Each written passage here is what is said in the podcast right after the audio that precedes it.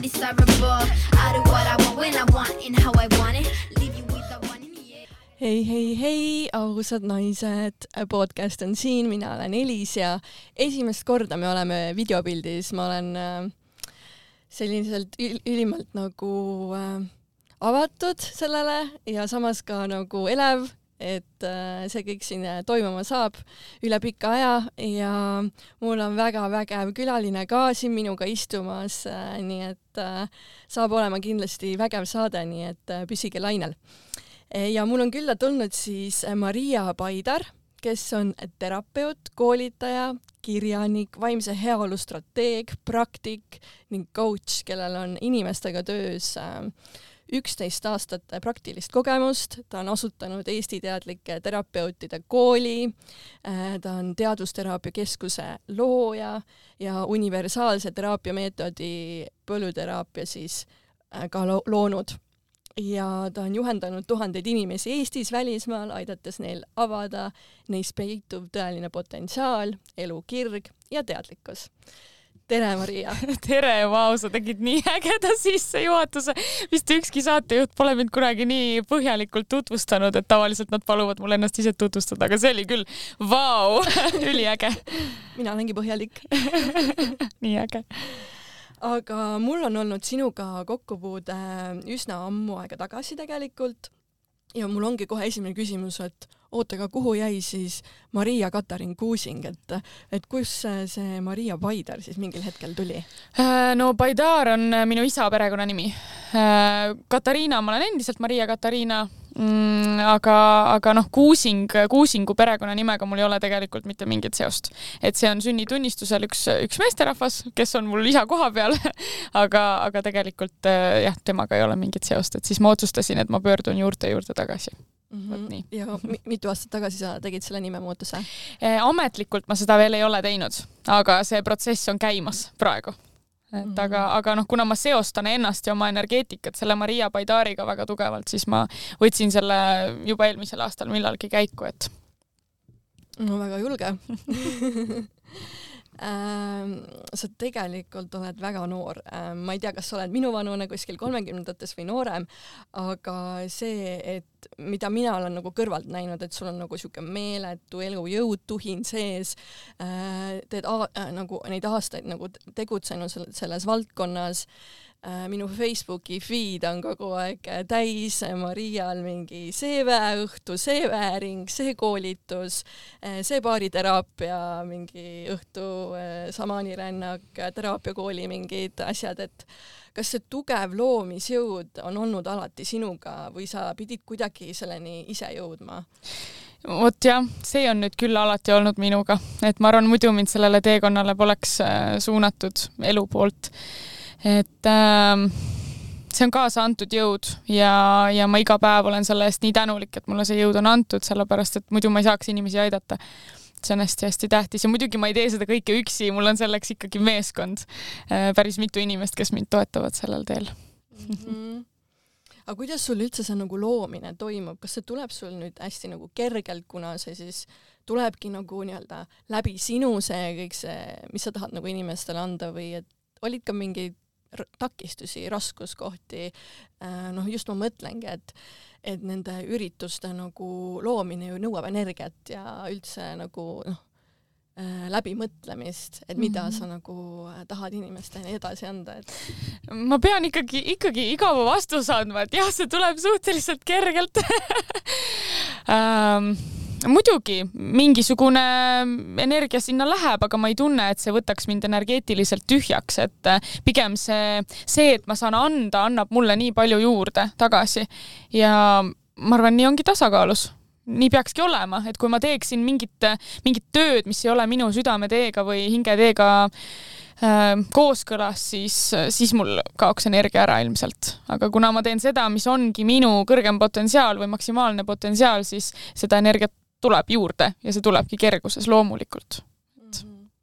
ja tead, kui ma no täitsa aus olen, onju, praegu meil laussaade, siis äh, mingil hetkel oli mul siuksed ambivalentsed äh, nagu tunded sinu, sinu osas, et mingil hetkel su ütlemised nagu väga meeldisid mulle äh,, mingil hetkel äh, läksid võib-olla sinna väga šamanistlikkusse ja siuke maskuliinsesse energiasse äh,, noh, seda on muidugi kõigis meis äh,, ja siis jällegi midagi nagu ei äh,, ei kõnetanud ja aga ühesõnaga, meeldib või ei meeldi, mina toetan igatahes neid inimesi, kes äh, tõstavad teisi inimesi kõrgemale ja, ja mina nagu jah, väärtustan just seda ja kes tõstavad just selle ühiskonna nagu sagedust äh, kõrgemale mm. -hmm. et ähm, ja igal terape-, terapeudil või sellisel, sellisel inimesel on tegelikult ju enda lugu, et äh, võib-olla jaga, kuidas see sinu enda äh, sa pead ju minema enda valust ja varjust tegelikult ennem ju läbi, kui sa saad inimestega nagu mingil määral mm -hmm. tööle hakata mm. -hmm. just, ja see on tegelikult hästi tore, et sa tõid selle teema sisse, et, et mingil hetkel mingid ütlemised nagu kuidagi tekitavad vastuolulisi tundeid või siukseid vastakaid tundeid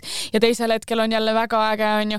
see ongi üks minu tugevus, et inimestele näidata nende varju ja õpetada varjuga tööd tegema, selle psüühikavarjuga, sest me keegi ei ole sellest puutumatud, meis kõigis on psüühikavari ja, ja me peame sellega silmitsi seisma seisma ja vot need ongi need hetked, kus tekib siis see vastuolu, et issand, mida ta praegu ütles, et see on kuidagi nagu niisugune raputav või, või puudutab mingit sellist kohta, mida me ei taha tunnistada või näha. Äh, minu teekond jah, mm, selles on sul jälle õigus, nii, nii õiget juttu räägid. Et selles on sul jälle õigus, et äh, terapeudid ja kõik, tegelikult kõik äh, inimesed, kes töötavad kuskil sotsiaalvaldkonnas või, või teiste inimestega, peavad olema hästi eneseteadlikud ja, ja eelkõige teadlikud oma varjust. me ei saa oma varjust läbi minna, sest vari jääb alati meiega. Ja, ja vari ja ego kasvavad äh, targemaks, mida, mida targemaks me ise saame, et need arenevad koos meiega. Aga just see, et ma olen igal hetkel teadlik oma varjust, see on see võti, et kuidas, kuidas püsida mm, hoidmises, mitte kahjustamises, kui sa teed inimestega tööd, sest nii kui sa oled ebateadlik oma varjust, siis võib juhtuda, et sa hakkad oma varjuga hoopis kahjustama, täiesti mittetahtlikult. et äh, jah, see on see error, aga minu puhul noh muidugi, eks mul on olnud oma elu igasuguseid raskuseid ja takistusi ja mõned isegi sellised, mida ainult äh, filmides inimesed näevad. Nendest ma väga veel ei ole rääkinud, kuigi ühe raamatu idee mul on küll sellest kirjutada ka. aga ähm, ma arvan, see kõik, see raske, rasked kogemused, need ähm, situatsioonid, need on ikkagi väga suur väärtus ja, ja need on näidanud, kuidas need tööriistad ja meetodid, mida ma täna kasutan, et need tõesti toimivad. et ma olen ise selle kõik läbi teinud, mitte et ma lihtsalt õpetan mingit suvalist asja ja ma ei tea üldse, kas see toimibki, on ju. minu reegel number üks on see, et ma ise praktiseerin, mitte ainult ei räägi teooriat. see on hästi tähtis. no see on nagu main asi tegelikult mm, -hmm. mida ole ikka see inimene, mida sa nagu ise välja annad, et hästi palju, kõik me oskame nagu targutada mingil määral, aga kas sa ise nagu järgid ka seda et äh, jaa, aga mis oli võib-olla siis äh, see koht, kus sa said äh, nagu siukse tõuke minna siis inimeste aitamise nii-öelda teekonda, et äh, midagi pidi ju sellist raputavat olema ikkagi? No vot, see on inimestele alati hästi huvitav, et kuidas ta lihtsalt sai teada, et see on tema elu ülesanne, kuidas, kuidas see lihtsalt tuli, kuidas ta lihtsalt äh, töötas välja selle polüteraapia ja need meetodid on ju, et see on hästi arusaamatu inimestele, sest äh, me oleme harjunud, et meile on kõik ette kirjutatud. Ja, ja mm, et me teeme nii, nagu meile öeldakse. minu puhul tõesti see nii oli, et äh, ma olen sellest ajast peale, kui ma ennast mäletan, alati uurinud neid raskeid kogemusi ja valusaid kogemusi ja mul on alati huvi pakkunud, kuidas ära lõpetada inimeste kannatused. et see teema on mulle nii väga huvi pakkunud alati ja, ja ühel hetkel tõesti, siis kui ma alustasin inimestega tööd, ma olin väga noor ja ma ei pidanud äh, seda kuidagi ise esile kutsuma, et tulge nüüd kõik minu juurde seansile. elu lihtsalt tõi need abivajajad minu teele ja ühel hetkel ma sain aru, et issand jumal, ma pean sellele mingi vormi andma, et ma ei saa niimoodi enam rahulikult nagu edasi elada, sest inimesi tuli nii palju, sest neid väga kõnetasid äh, minu teadmised ja need meetodid, mida ma jagasin, et need olid hästi toimivad. ja niimoodi see läks et äh, ma sain aru, et elu tegelikult valis ise mind seda tegema, mitte et ma vaatan, et oh, äge, hakkan tegema. Et, et see oligi minu kutsumus ja, ja, ja ma olen see inimeste inimene olnud. Jah. Nii ongi. Jaa, tõesti, ma olen ju ka käinud sinu mingitel õhtutel, ma mäletan väga hästi, et äh, jah, sa nagu õhkad sellist väga suurt äh, power'it, mis inimesi nagu aktiveerib ja käivitab kuidagimoodi. Et äh, seda tõesti, aga kuidas sul üldse sellega on, et ähm,, et kas sulle meeldivad need tiitlid nagu noh, mis ma siin ette kõik lugesin, on ju, Mhm. terapeut, koolitaja, kirjanik, vaimse heaolu strateegia, et kas äh, sul pole tunnet nagu, et sa paned end kus, justkui kuskile teistest nagu, ma ei tea, kõrgemale pjedestaalile või midagi?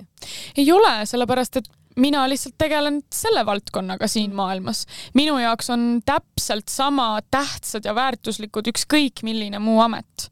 et äh, me kõik ju tegelikult ükskõik mis tööd me teeme, me panustame ühisesse süsteemi, ühisesse heaollu ja, ja see minu tugevus on selles valdkonnas inimesi aidata. Et ma ei arva, et see oleks millestki kuidagi kõrgem või parem kellestki. kas, äh, kui sa nii noorelt alustasid, kas kuidagi võib-olla siis oled märganud, kas ego, su ego ka kuidagi lõi üles, et, äh, et näed, nüüd ma oskan nii palju, hakkas seal kergitama nii-öelda äh, natukene iseennast? pean natuke meenutama. ma arvan, et ego ei ole seotud noorusega, pigem vastupidi. et äh, mida rohkem ma kogen, mida vanemaks ma saan, mida rohkem ma lasen ühiskonnal ennast äh, suruda raamidesse äh,, seda rohkem hakkab see ego taltsutama äh,, mitte taltsutama, vaid ego, ego nii-öelda perutama, ütleme siis niimoodi mm. Mhm. aga mm, mida puhtamad ja nooremad me oleme, siis see ego on ka nagu vaiksem tegelikult ja me saame oma südamega rohkem koostööd teha ja kooskõlas elada. et äh, pigem mind on õnnistatud sellega, et ma olen saanud kasvada sellises teadlikus keskkonnas ja, ja ma olen saanud oma ego siis ka uurida nii, et ta ei muutu kahjustavaks. muidugi meil on neid egohetki kõigil, aga päris selliseks, et äh, et see kuidagi lõhkuma hakkaks minu elu ja mind ja inimesi minu ümber, seda ma ei, ma ei suuda praegu meenutada et oleks olnud niimoodi kohe.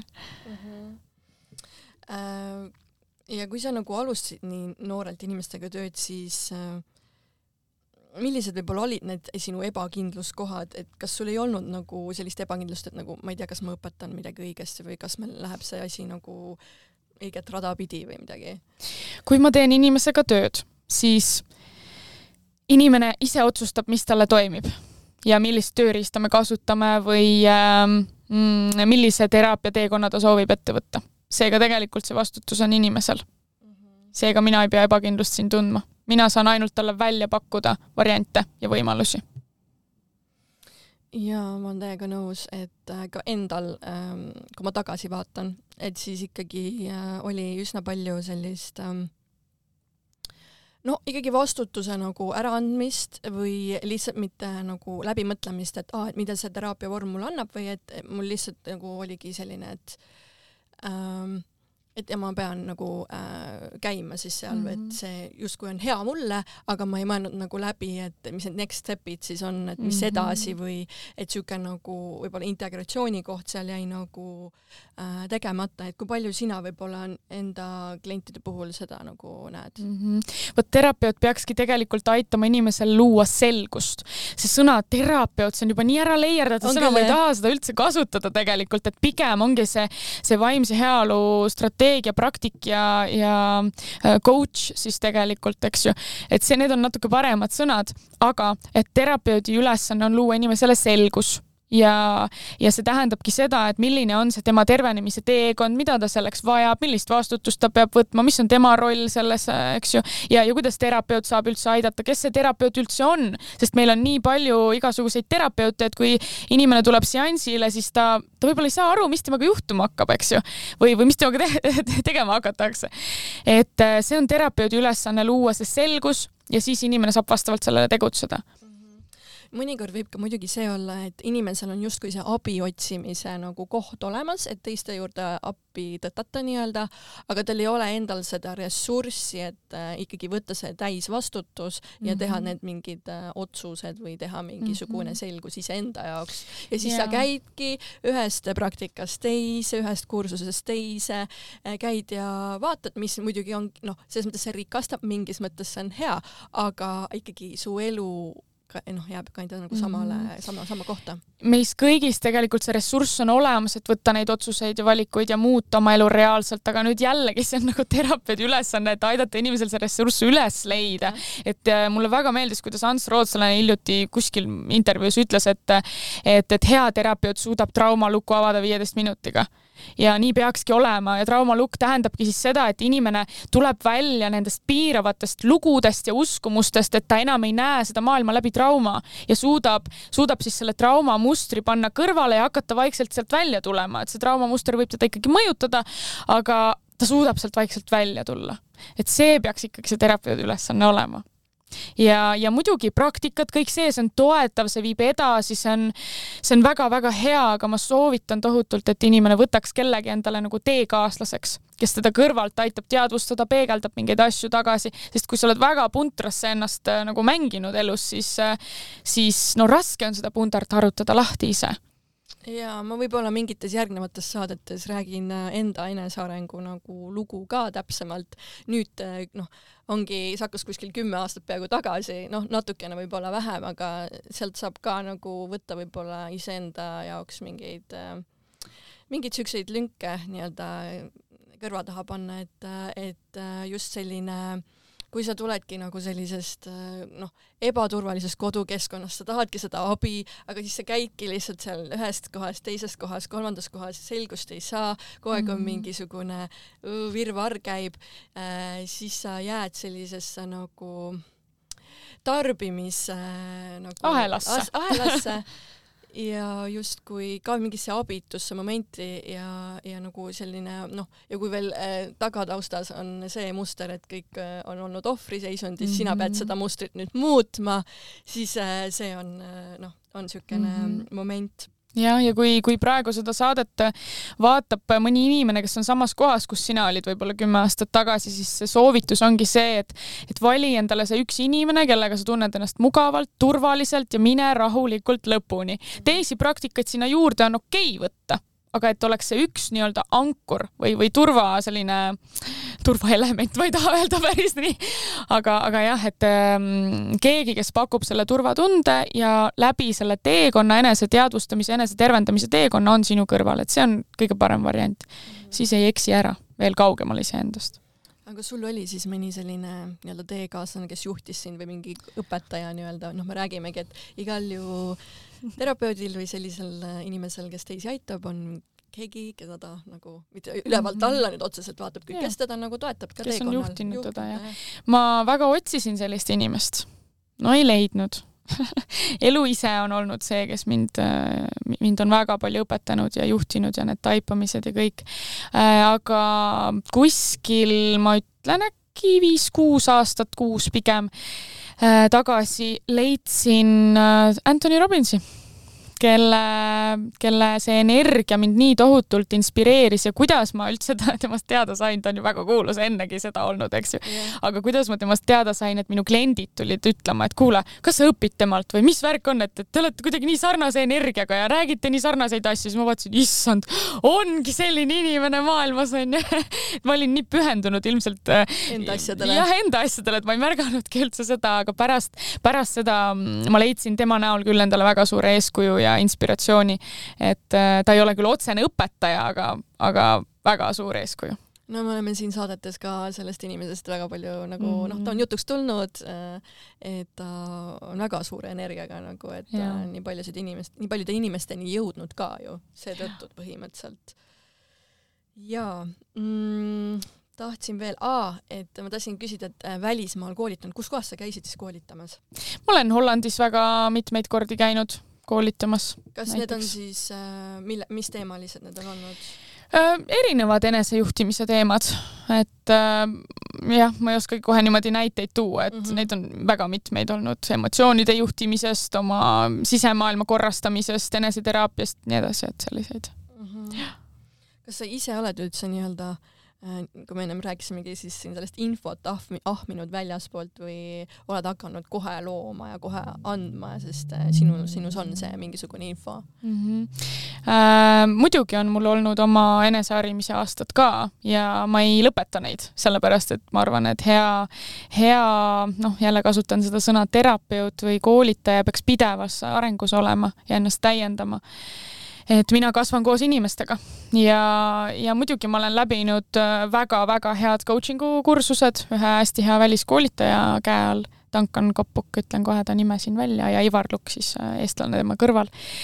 et nemad äh, tegid väga-väga hea coaching'u koolituse, kaks aastat õppisin nende all ja äh, tohutult palju raamatuid olen läbi töötanud ja, ja ülikooli materjalid äh,, noh, psühholoogia eriala materjalid, kõik olen ka läbi töötanud, et, et see huvi on minus nii suur olnud, mis, mis selle inimese sees toimub ja kuidas tuua maksimaalne potentsiaal välja, et, et see on mind kogu aeg edasi tõuganud uurima ja uurima ja õppima ja süvenema ja ja siis äh, panema praktikasse kõik see kogemus, mis on minul iseendal ja, ja teiste inimestega töötades mõttes, et see on, ongi selline suur kombinatsioon kõik kokku. ja ongi nagu minu arust on see, et äh, sul võib huvi olla ja kõik see äh, üks, äh, et see on väga nagu oluline koht, aga see, et sa oskad seda nagu pakendada ka just ja. inimestele nagu äh, nendele arusaadavalt edasi anda, et see on teine oskus, sest et noh, me kõik äh, võime olla hu huvitunud väga paljudest asjadest ja läbi töötanud palju asju, aga nüüd, et see tuua nagu inimeste teenimisse onju,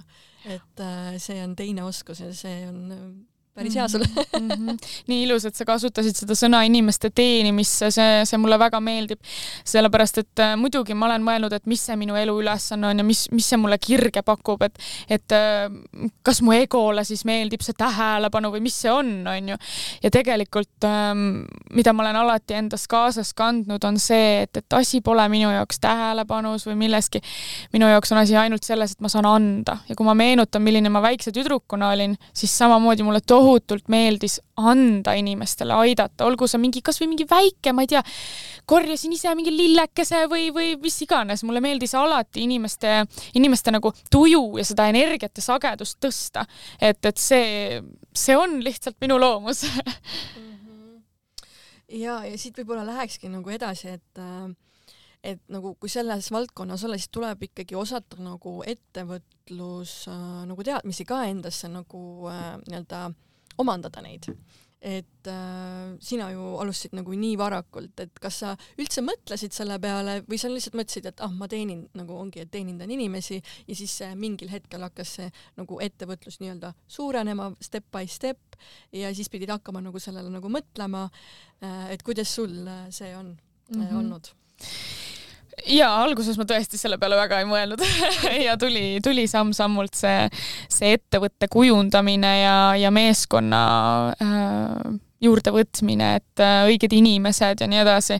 et see tuli, see tuli iseenesest kuidagi, aga ma olen olnud ka seda meelt, et me ei pea kõike ise oskama. et äh, võtame need inimesed endale meeskonda, kes oskavad ja nii see tuleb jaa, ma olen nõus, sest et äh, nagu see podcast ka siin nagu kasvab ja kasvab ja siis ma nüüd vaikselt ka nagu mõtlen, et äh,, et üksi vist äh, äh noh, kaua ei sõua nii-öelda, et, äh, et tuleb varsti ikkagi võtta keegi siia mulle ka. ja kui sa tahad teha suurt ja vägevat asja, seda inimesteni viia, leiad need inimesed, kellel on seesama väärtus, seesama missioon, mida sina edasi kannad ja, ja koos ühendate power'i ja, ja läheb täiega mm. -hmm. jaa ja sina tegelikult ei pidanudki üldse ju enda ettevõtte ideed nagu välja mõtlema või sul oli ta ju põhimõtteliselt nagu kinda olemas mm, -hmm. et äh, aga oled sa üldse kunagi palgatööl käinud? ei ole ei ole üldse ei ole. vist kunagi ma ei tea, neljateistaastasena äkki kunagi ammu kuskil suvel mingil poes töötasin kuskil, no mingi vanalinna äh, see turisti mingi pood oli, Ehete pood. seal korra äkki töötasin, aga muidu ei ole ja kohe hakkasidki tulema nagu teadmine sinna suunas, et ja, ja, ja. inimestega. et äh, aga kus, kus sul võib-olla tekkis see esimene mm, moment, kus sa nagu nägid, et aa, mul on nagu see võime olemas või et mul on nagu see selline tundmus ja neid ei olegi nagu teistel, et hmm. või noh, ei saa öelda, et teistel ei ole, teame küll, et Mhm. kõikidel on mingid Jaa. võimed, aga vot sul on võib-olla aktiveerunud siis need võib-olla Mhm. nii öelda ma ei mäleta seda konkreetset hetke, kus see tekkis.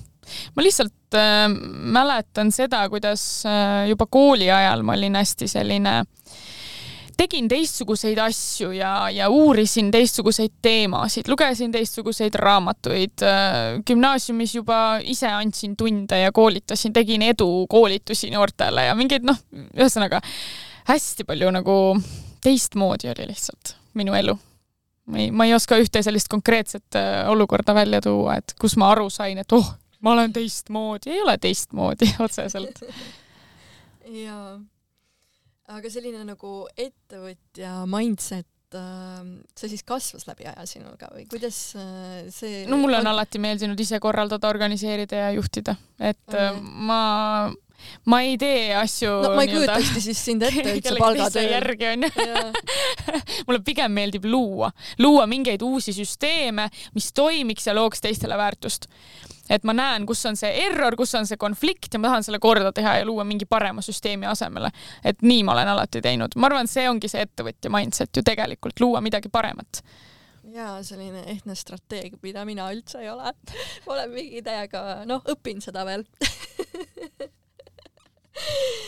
um, vaatan veel, ahaa, üks asi veel ju, et äh, tegelikult kui ma sinu keskuses käisin, siis ma tegelikult käisin rohkem sinu ema juures, et ma kuidagi just, äh, su ema nagu klikkis minuga rohkem, ma tean, et mu sõbranna käis sinu juures tollel ajal. Ja, ja siis ähm, jaa, mul oli kuidagi seal palju nagu mõnnam, aga jällegi äh, mulle tollel hetkel võib-olla meeldiski pehmem lähenemine. Äh, ja kuidagi jah, sinu juurde ei kippunud ja ja ongi, vaata, terapeudid ongi hästi erineva energiaga ja minu ema on tõesti sellise pehme, õrna energiaga. mina olen ka nüüd juba rohkem seda, aga ikkagi ikkagi on tema pehmem. ja, ja see on täiesti okei okay,, et inimene leiab endale selle oma sobiva energiaga terapeudi, nii peakski olema ja, ja, ja. no inimesed tulevadki teiste energia peale, et äh, kui mõned arvavad, et oo oh, vaata, nii palju on terapeute, nii palju on coach'e, siis tegelikult ikkagi sinu jaoks on need kliendid olemas, et äh, sinu energia peale tulevad need inimesed, et äh, ja, ja mina ei võta seda maailma üldse konkurentsina, tegelikult üleüldse Eestis, kui me räägime noh, erinevatest valdkondadest, me ei pea rääkima ainult teraapia valdkonnast, aga kui, kui sul on oma ettevõte ja sa vaatad siis teisi samas valdkonnas tegutsevaid ettevõtjaid konkurendina, tegelikult me ei tohiks seda teha, meie Eesti on nii väike, me peame täiega koostööd tegema, kokku hoidma. see uue, uue maailma või uue ajastu võti on koostöö ja see on ainukene viis, kuidas me saame maailma teha paremaks paigaks. et äh, konkurentsi sõna taga on ju tegelikult see ahnus, materiaalsus ja raha tegelikult, mida meil on kõigil eluks vaja, see on vahend. Ja ma üldse ei pelgagi sellest rääkida, et äh, ka see inimene, kes aitab teisi inimesi terapeudina, vajab ka oma eluks raha ja tahab õnnelik olla, onju. aga, aga see ei ole eesmärk et äh, see on, see tuleb niikuinii ja, ja sellega on kõik hästi. et äh, number üks eesmärk on ju inimesi aidata, on ju, ja, ja kui ma võtan nüüd selle konkurentsi teema, siis kohe tekib küsimus, et, et kui ma näen konkurentsina teisi, konkurendina teisi terapeute, et kas ma olen siis puhas või mis on minu ajend tegelikult. et ma arvan, kõik ettevõtjad võiksid seda nagu, isegi kui te ei ole terapeudid, siis kõik võiksid seda, seda endas tunnetada, et, et mis on minu päris eesmärk ja sealt hakkab juba kandma vot, et tõsta teisi ka tegelikult. Tony Robbinsil on hea lause The secret to living is giving. ja, ja minu arust see ongi see, et tõsta teisi ja sellega ma tõstan ka iseennast, et me kõik läheme paremasse kohta tänu sellele. ja ma pidin just hiljuti panema mingi enda persooni brändingu mingi eesmärgi või midagi ja siis äh, ma paningi sinna nagu selle sama sõnumi tegelikult, et äh, tõsta teisi inimesi, et äh, et jep ja tegelikult mul oligi selline küsimus, et, et kuna sa oled nii pikalt nagu tegutsenud sellel maastikul, et äh, mis on need siis äh, Eestis nagu tegutsevate tervendajate, selgeltnägijate, paljude teiste nagu äh, selle teenusepakkujate nagu nii-öelda kitsaskohad, et, äh, et mida, noh, ongi, et sa ma- mainisidki seda nagu koostöö teemat, et mina näen ka seda, et hästi palju me võtame kuidagi vaenlasena nagu teist või kes samas nagu valdkonnas on, et võib-olla mis, mis on ajaga muutunud, näiteks kui sa Mhm. alustasid üksteist aastat tagasi ja praegu mm. mm. -hmm. no ma ei tahaks panna terapeute ja selgeltnägijaid väga Ja, ja, ühte patta, aga just. no ma mõtlen ta nagu on Eestis väga segunenud Jaa, praegu küll küll, ja midagi küll. pole teha. et äh, aga mis on siis üldse selle valdkonna need kitsaskohad mm,? koostöö üks asi, aga ma arvan, võib-olla ka see, no ma ütlen siis selle välja, pädevus et äh, väga palju kunagi, üksteist aastat tagasi, kui mina alustasin, ei olnud veel niimoodi, et tuleb kõiki neid abistajaid nagu siit ja sealt. see on okei okay,, et neid täna tuleb, sest inimestel ongi rohkem abi vaja. Ja, ja ma näen seda, et äh, tänu sellele me saame rutem selle maailma paremaks paigaks, on ju, et, et ma ei ütle midagi halba selle kohta, et, et inimesed järjest enam oma missiooni selles valdkonnas näevad, see on tore. aga paraku on nii, et ähm, see missioonitunne tekib väga kerge selles valdkonnas siis, kui ma tegelikult ise vajan abi. ja siis hakatakse ennast aitama läbi selle, et ma aitan teisi. Ja, ja siis on hästi kerge nagu see, et oh, ma lähen teraapiat õppima, tegelikult ma tahan ikka veel alles ennast aidata ja võib-olla ei tahagi veel teisi aidata, et et minu seal terapeutide koolis väga paljud inimesed tulevad ka, ka sisseastumisele selle jutuga, et et aa, et ma tahan tegelikult ainult enda pärast olen siin. noh, aga miks sa siis terapeudiks õpid? tuled mingile teisele kursusele, mitte terapeudi kursusele. et see pädevuse teema ja siis hakataksegi ainult nagu oma kogemuse pealt nõustama. Mis on väga okei okay,, aga sellisel juhul peaks hoidma seda selgust, et see on minu kogemus ja sina teed vastavalt oma kogemusele ja oma potentsiaalile, et, et klient saaks aru, et vastutus on ikkagi tema käes, sest muidu võib väga suure jama kokku keerata, kui sa oma kogemuse pealt ainult nendesse piiridesse jääd, sul ei ole tegelikult teadlikkust, mida teha, kui kui inimesel tekib mingi uus trauma sinu jutu peale või, või sa avad temas mingi sellise koha, mida ta ei mäletanud ja, ja, ja nüüd tema kogu elu kukub selle pärast kokku ja nii edasi, et kui sul ei ole neid nagu SOS kriisiteadmisi, onju ah, see mul jäi enne mainimata, et ma olen kriisiabiliinil ka töötanud ja kriisiabikoolitused ja kõik niisugused asjad ka läbinud. praegu tuli meelde lihtsalt, et kui sul neid teadmisi ei ole, siis on nagu väga mm, tuleb hästi ettevaatlik olla. Sa võid olla inimestele olemas, see on väga okei okay ja see on nii tänuväärne. aga et hoida seda selgust lihtsalt, et inimene saaks aru, et kuidas sina teda aidata saad, siis on okei okay jaa äh,, väga palju on ka sellest räägitud just, et ongi neid ähm, noh, et on mingi kolmepäevane koolitus ja siis saad sertifikaadi ja juba saad nagu inimestele midagi edasi anda, aga tegelikult selline üldine inimese pilt jääb veel nagu hägustunuks mm. -hmm. ei ole nii selge, et mina näen, et see on nagu võib-olla üks selline kitsaskoht mm. -hmm. kui vaadata mm.. aga jah äh,, koostöö on muidugi see kõige main punkt ka, mm. -hmm. jah, ja, ja ma arvan, mis veel on see kitsaskoht, on ikkagi noh, teineteise mahategemine ja kritiseerimine ja laimamine ja kõik siuksed asjad ka. kuidas sul üldse, kuidas sina sellega hakkama oled saanud, kuidas sul see on olnud, sind on ka ma olen sellega väga palju kokku puutunud, on, ongi nii jah? ma ei tea, jaga natuke. aga see on okei okay. ja ma olen sellega harjunud juba tõesti olen, sellepärast et äh, noh, ikka kipub nii olema, no vaatame, mis praegu Ants Rootslasega tehakse. noh, kipub nii olema, kui sa lood tõeliselt suurt ägedat väärtust, siis on inimesi, kellele see millegipärast on ohtlik või konkurents jällegi või kes äh, saavad puudutatud mingitest valukohtadest nii sügavalt, et nende need valukehad reageerivadki. ja mina vaatan neid inimesi, olgu nad siis terapeudid või, või, või mingis muus valdkonnas tegutsevad inimesed, kes niimoodi käituvad mm, laimates ja, ja mis muud veel taktikad seal on. et mina vaatangi neid inimesi nagu terapeut. vaatan neid täiesti neutraalselt, täiesti tasakaalus ja ma olen, ma olen kuidagi, mida rohkem nad seda teevad, seda parema meelega ma oma tööd teen, sest ma tean, et see mõjub. ja et see, et ma käivitan inimesi, tegelikult aitab neid. saad aru, mis ma mõtlen? et äh, see ei puutu minusse, ma ei võta isiklikult seda. jah, tegelikult see ongi hea terapeudi nagu omadus ka, et sul on see hästi nagu selge sisemine telg ja, ja sa ei reageeri nagu sa oled nagu selline neutraalne vaatleja et äh, no minul, minul on sellega veel tööd, aga, aga selles mõttes see on üks äh, terapeudilik äh, nagu oskus, et mm Mhm. -hmm. äh, muidu sa ju projitseerid enda nagu teemat sisse ju. just. jaa.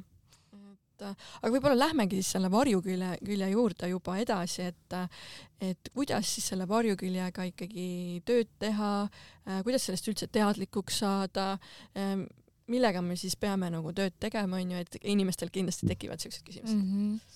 No kõigepealt, mis asi see psüühika varjukülg üldse on, on, et sellest on väga vähe räägitud, aga järjest rohkem hakatakse nüüd jälle rääkima.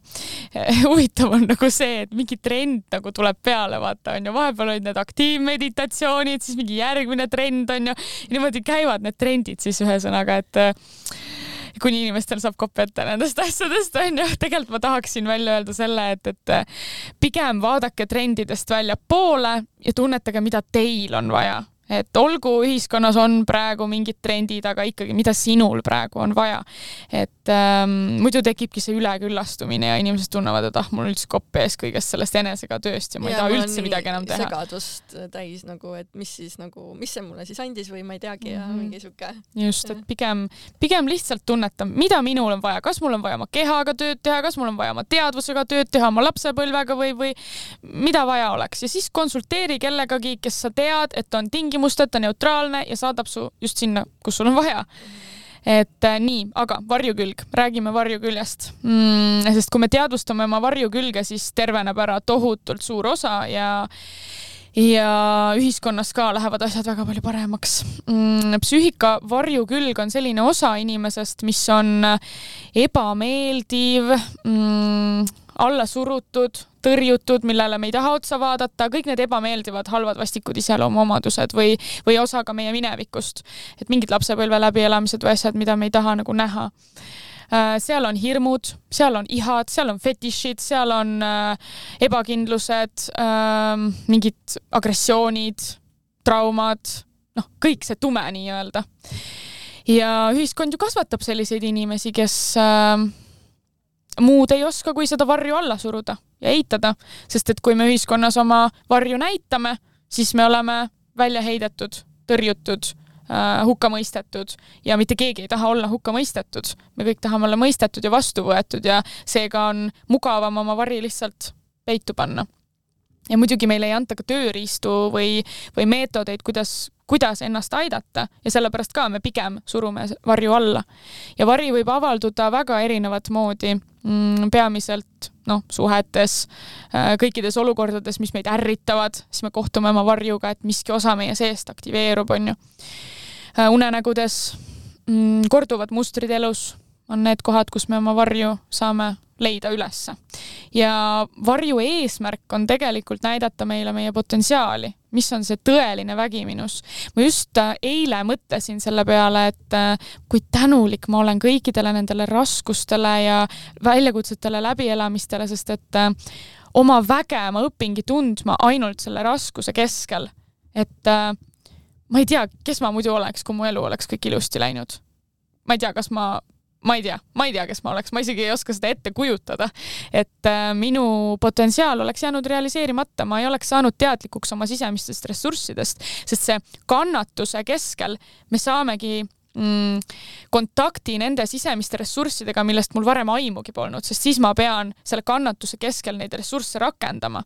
et äh, see on see varjukingitus, mida varjukülg inimestele toob tegelikult ja kui ma iga, iga päev nagu seda varju vaatlen, olen teadlik, siis tegelikult need kannatused ei ole enam kannatused. Need on lihtsalt mingid kogemused, mingid olukorrad ja, ja mul on väga kerge elust läbi minna, vaat siis tulebki see kergus ja, ja siis tulebki see sisemine jõud, sest vari ei suru seda enam alla. siis ma pigem õpin nägema oma ressursse ja, ja õpin neid kasutama et see on see niisugune trikk, muidugi seal on erinevaid meetodeid, ankruid, kuidas varjust see potentsiaal välja tuua, aga teadvustamine on juba esimene samm. ja teadvustamisega sa nagu ei lase sellel varjul nagu nii-öelda juhtida sinu enda bussi, just millega, sa sõidad. just, et et äh, sest meie sees kõik emotsioonid, mis meis on, me saame kasutada kas hävitavalt või väestavalt. et varjuga samamoodi, me saame seda varju kasutada hävitavalt või väestavalt. näiteks viha. kas sa tead, kuidas saab viha kasutada väestavalt? äh, viha, viha on kõige suurem selline loom, loomeenergia mm,. sa mõtled, et kuidas sellega siis luua midagi? kuidas sa saad viha kasutada väestavalt? väestavalt. seda emotsiooni kasutada millekski, mis toob sulle midagi head mm. -hmm. no oleneb jah, millega sa siis nagu tegeled, mida sa tahad saavutada nagu äh, ma lihtsalt olen kuulnud, et, et Ott Tänak oli vaata isa peale vihane mm, -hmm. siis nagu mingi mm -hmm. sõitiski täiega mm. -hmm. ma ei tea. jaa, et viha kui nii-öelda käivitav jõud või motiveeriv, aga vihaga näiteks sa saad oma piire kehtestada väga hea asi mm.. vihaga sa saad äh, kaitsta ennast või mingi õigluse eest seista näiteks oh, jaa, jaa tõsi. et seda vaja meil tegelikult, seda viha on meil vaja. hirmuga samamoodi, kui meil ei oleks hirmu, paneks käe tulla, jookseks auto alla meil on vaja hirmu tegelikult, aga ainult nendes kohtades, mis on meile kasulik, mis on äh, noh, vajalik inimesele. jah. ja minu üks äh, varjukülg, äh, mis ma nüüd hiljuti just panin tähele, ongi vastupanu sellele, mis on ja kui ma osutan vastupanu, siis see võibki muutuda nagu ennasthävituslikuks. mul siis juba mõned kuulajad teavad, juhtus õnnetus, kus ma põletasin oma käe ära ja mm, jah et äh, siis äh, kohe läheb leegid, leegid lähevad äh, kui mul tuleb vastupanu, nii et äh,, nii et jah, et äh, et noh, sa võid rääkida võib-olla lähemalt, et kui osutada vastupanu varjuküljele, et mis see siis kõik võib korda saata aga mis sa mõtled selle all, räägi natuke täpsemalt, et, et mis mõttes on vastupanu sinu varjukülg? miks ta on sinu varjukülg ähm,? no ma mõtlen lihtsalt, et mingi olukord mul on, onju, mm. ja ma ei taha seda nagu vastu võtta ja okay. siis mul on äh, selle olukorra sa ei taha suhtes... tunnistada või? mitte tunnistada, aga nagu mm, ma, ma, vist ilmselt tean, et aktsepteerimine viib mind sellisesse nagu noh, paremasse kohta, aga siis mul ikkagi selline alateadlik käitumine on ikka osutada nagu vastupanu sellele, nagu et ei nagu, mm. -hmm. et sa tahad hästi jäigalt hoida oma piire midagi siukest ilmselt mm. -hmm. no siis varjukülg on ilmselt äh, haavata saanud sisemine tüdruk. et kuskil on sinu piiridest nii tugevalt üle sõidetud, et nüüd sa ajad seda jonni ja oled siuke jäik nagu, et, et ei, ma ei ole nõus. mulle ei meeldi nii. ja, ja, et seal võib tõesti olla erinevaid asju, et, äh, et jah ärme siin võib-olla nii sügavale lähe, küll ma nagu teen neid varjuteraapia töid niikuinii, et, et ka just nagu hiljuti ühes sai käidud, mis lõi, lõi mul varju külle niimoodi ette, et kuule, vaata nüüd, et see on mm -hmm. siin nagu, et siit sa nüüd nagu lähed sellest nagu, võta see vastu nüüd nagu põhimõtteliselt mhm. onju ähm,. aga mulle meeldib tegelikult sinu öeldu, mis sa oled öelnud, et valgus ja vari on tegelikult üks ja seesama osa põhi mm, -hmm. põhiolemuselt, et loov jõud, et äh, jaga seda võib-olla veel natukene mm. -hmm. et võib-olla näit-, jaga enda näitel, et mis sinul siis oli näiteks selline koht, kus sa äh, läksid äh, läbi, noh, mitte läbi varju, vaid sa võtsid siis selle varju vastu või sa märkasid, olid teadlik sellest ja said sealt mm -hmm. nii-öelda läbi tuldud mm -hmm.. okei okay,, ma kommenteerin kõigepealt seda, et mis mõttes see valgus ja vari on sama loov jõud, on ju. Äh, meie maailm ongi duaalne üles ehitatud duaalsusele, mis tähendab siis kahte äärmust, näiteks mees ja naine, öö ja päev, ei ja ja, kuum ja külm ja nii edasi, eks ju, kaks äärmust ja vari ja valgus. Äh, aga need, see duaalsus sünnib ühest ja see tähendab siis seda, et, et kõik meie ümber on üks ja seesama eluenergia, lihtsalt see eluenergia avaldub kas läbi varjukogemuse või läbi valguse kogemuse, vastavalt sellele, millist kogemust parasjagu inimesel on vaja, et areneda. et äh, aga see on ikkagi seesama jõud ja selle jõu eesmärk on siiski sinu potentsiaali välja tuua. vastavalt sellele, kas sa oled valmis seda potentsiaali vastu võtma läbi valguse või läbi varju. et ähm, mm, see on siis nagu see selgitus sellele, mis mõttes nad on äh, üks ja sama jõud. aga minu näitel, kus ma olen läinud varjust läbi mm,, no mul oli hästi suur hirm ma tean, et nüüd keegi seda ei usu, aga kunagi oli hästi suur hirm äh, sotsialiseeruda väljaspool tööd.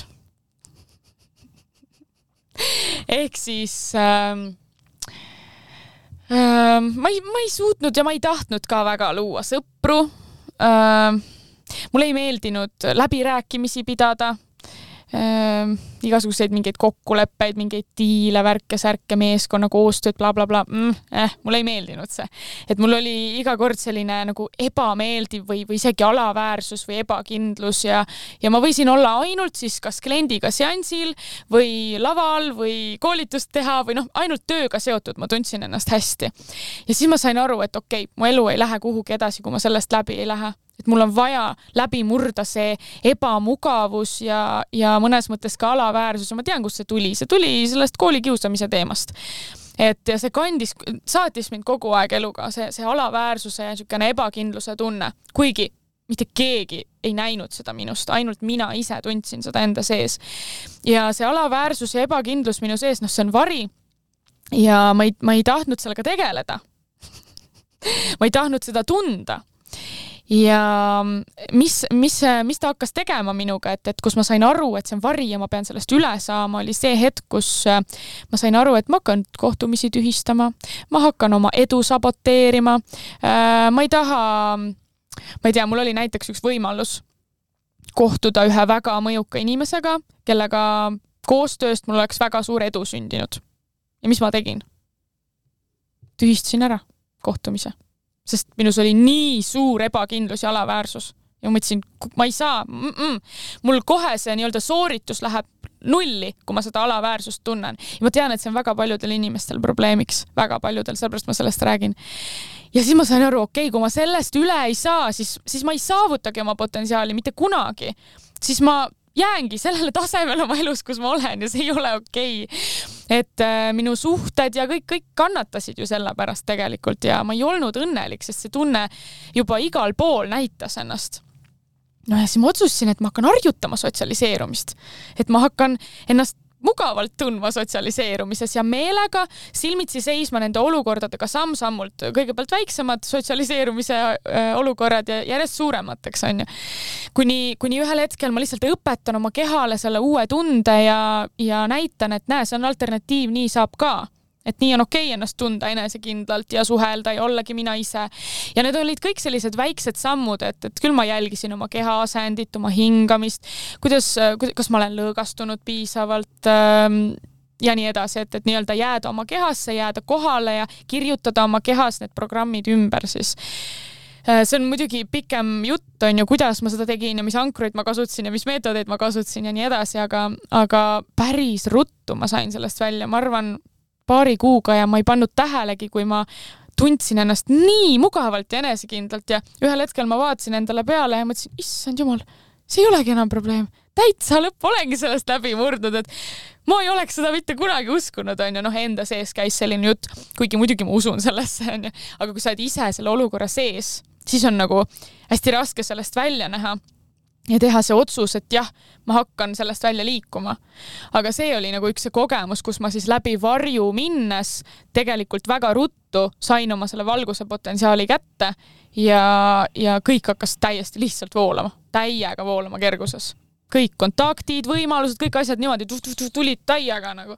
et äh, see on nagu üks selline kogemus, mis, mis tuleb kohe meelde, aga neid on kindlasti veel olnud see on lahe ja et sul on olnud nagu kohe võtta need töö, tööriistad, vaata, et kohe nagu rakendada neid, kas need olid siis nagu enne olemas juba? ei, ma teen, ähm, ma teen selles mõttes kogu aeg, kogu aeg kujundan erinevaid tööriistu juurde vastavalt mingisugusele olukorrale, kui mul on klient või kui mul on endal mingisugune asi, et ma töötan neid muudkui pidevalt välja, aga need, millega ma tegin seda varjutööd, jah, need olid mul olemas, ma lihtsalt panin need teise konteksti et äh, need tööriistad, millega ma töötan, on paljus, äh, paljus väga universaalsed, et sa saad neid lihtsalt natuke kohandades panna täiesti uude olukorda jälle. et see ongi see polüteraapia mõte on ju, et äh, et, et universaalne, mitmekülgne, erinevad meetodid, mida sa saad koheselt rakendada oma sisemaailma korrastamiseks kohe liigumegi sinna äh,. aga jaa, ma tahtsingi öelda, et elu panebki tõesti meid siuksesse nagu sundolukorda, kus me peame nagu lihtsalt nagu, kui meile see reaalsus praegu siin ei meeldi, siis me lihtsalt peame samm üles astuma ja tegema selle väikse nagu otsuse või noh, seal ennast nagu mugavustsoonist välja tooma mm. -hmm. step by step, siis nagu vist siis nagu hakkabki meie potentsiaal vaikselt nagu avarduma. absoluutselt. jah, ja paljud inimesed ei usu, et see on võimalik, kuidas see käib nii kiirelt ja nii lihtsalt, no käib tegelikult, kui sul on tahe. aga mm Mhm. -hmm. seda on vaja ja see tahte koht ongi küsimus, et kui inimene suudab endast leida tahte, siis saab kõike, tõesti. minus on olnud küll alati nagu tahe nagu äh, parema ja, ja nii-öelda mitte suurema elujärgega nagu äh,, nagu tahta rohkem elult ja issand, mis ma nüüd öelda tahtsingi äh, seoses sellega, et äh, äh, nüüd mul kadus ära täiesti mõttelõng, tahtsin nagu öelda midagi selle enda kogemuse pinnalt okei okay,, las ta siis jääb, ma ei tea, läks täitsa meelest praegu ähm,.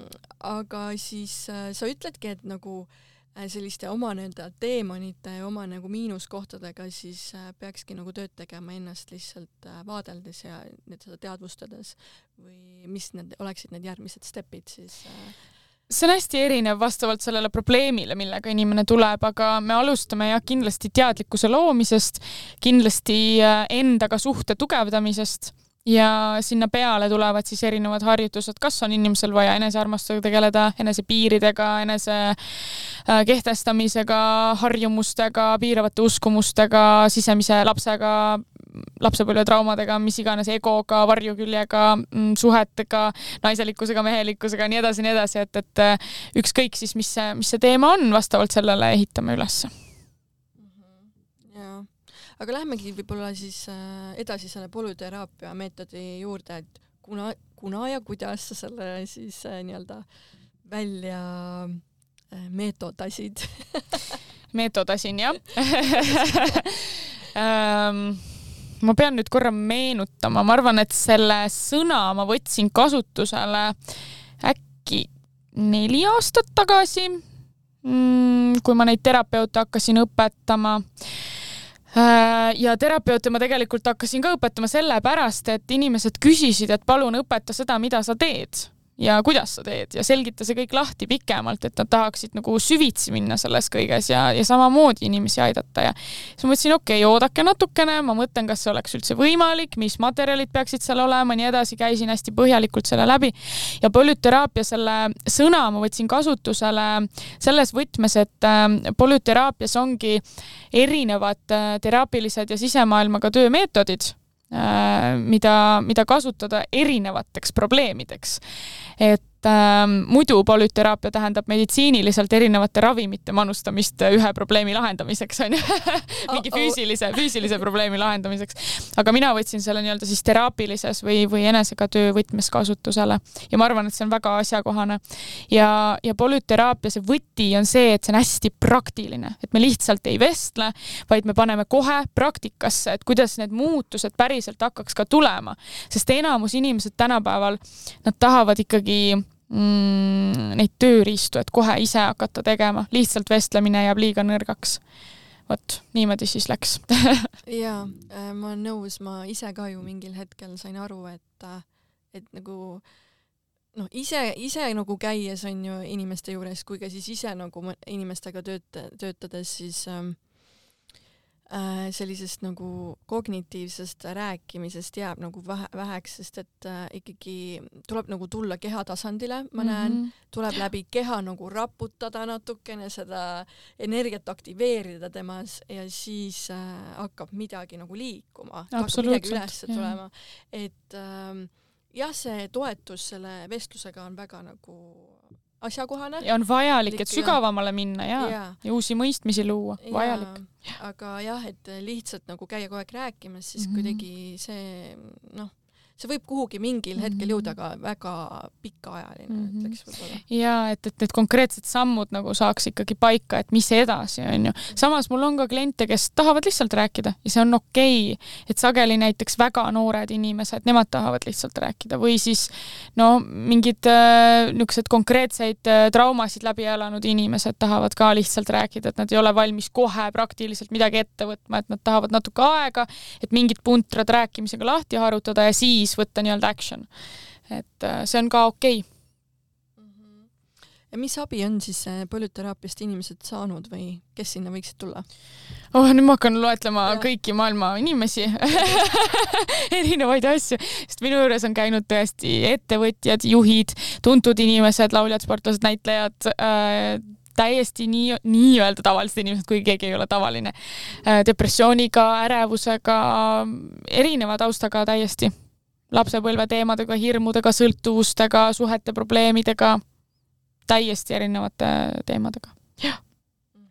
Et point ongi selles, et kui inimene näeb, et kuskil eluvaldkonnas ta tahaks luua rohkem õnne, edu, tasakaalu, harmooniat, iseendaga paremini läbi saada, oma elu korrastada selliseks, et tal ongi unistuste elu või, või ta tahab jõuda oma potentsiaalini, siis see, see kõik käib polüteraapia alla, just. Vau. no ma olen alati selline praktiline olnud, et, et päriselt teeme asjad ära, et, et mitte lihtsalt luua mingit illusiooni, et oo, polüteraapia onju, vaid päriselt mingi, mingi päris reaalne asi. muidugi noh, sellest me siin väga palju ei ole rääkinud ja ma ei tahaks ka rääkida, sest inimestel ei ole seda vaja, et see vaimne pool ja, ja spirituaalne pool on ka osa minu elust.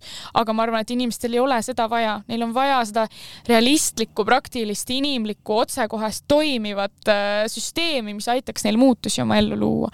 et sellepärast seda minul omal ajal ei olnud mm. -hmm. nagu ma tundsin ja võib-olla ma seda- ei otsinud ka, võib-olla ma otsisingi sellist äh, mm -hmm. mulli, et äh, ma ei tea, aga igatahes see on väga vajalik jah mm. -hmm. et äh, et see jõuakski iga inimeseni igal tasandil ja puudutaks neid ja annaks neile tööriistad, et nad ise saavad ennast tervendada, sest muidu sa oledki sõltuvuses terapeutidest ja, ja käid muudkui, et korra jah, jah, või kuidas seda nimetatakse tänapäeval?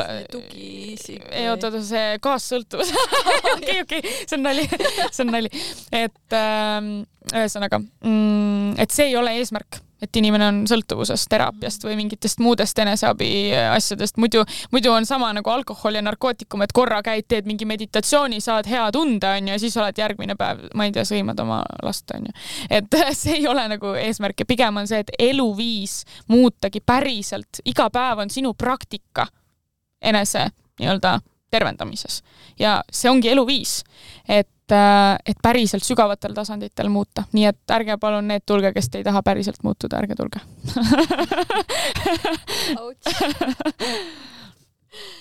Jaa mm,, ma tegelikult tahtsin üht, üht, üks asi tuli küll nagu üles korraks, ma tahtsin tegelikult äh, seda ema poolt ka nagu äh, korra sisse tuua, et tegelikult ma usun, et su ema on ka sinu jaoks nagu väga suurel kohal olnud sinu elus, sest et äh, ta on sind, ma näen, et ta on sind igatpidi tegelikult sinu toet- äh,, sinu tegemistes aidanud, su juures olnud, sa oled teda kaasanud sinna, et äh, võib-olla jaga natuke seda koostööd ka, et kuidas see nagu alguse sai ja ja kas siis võibki öelda, et mingid võimed tulid ka temalt sinuni?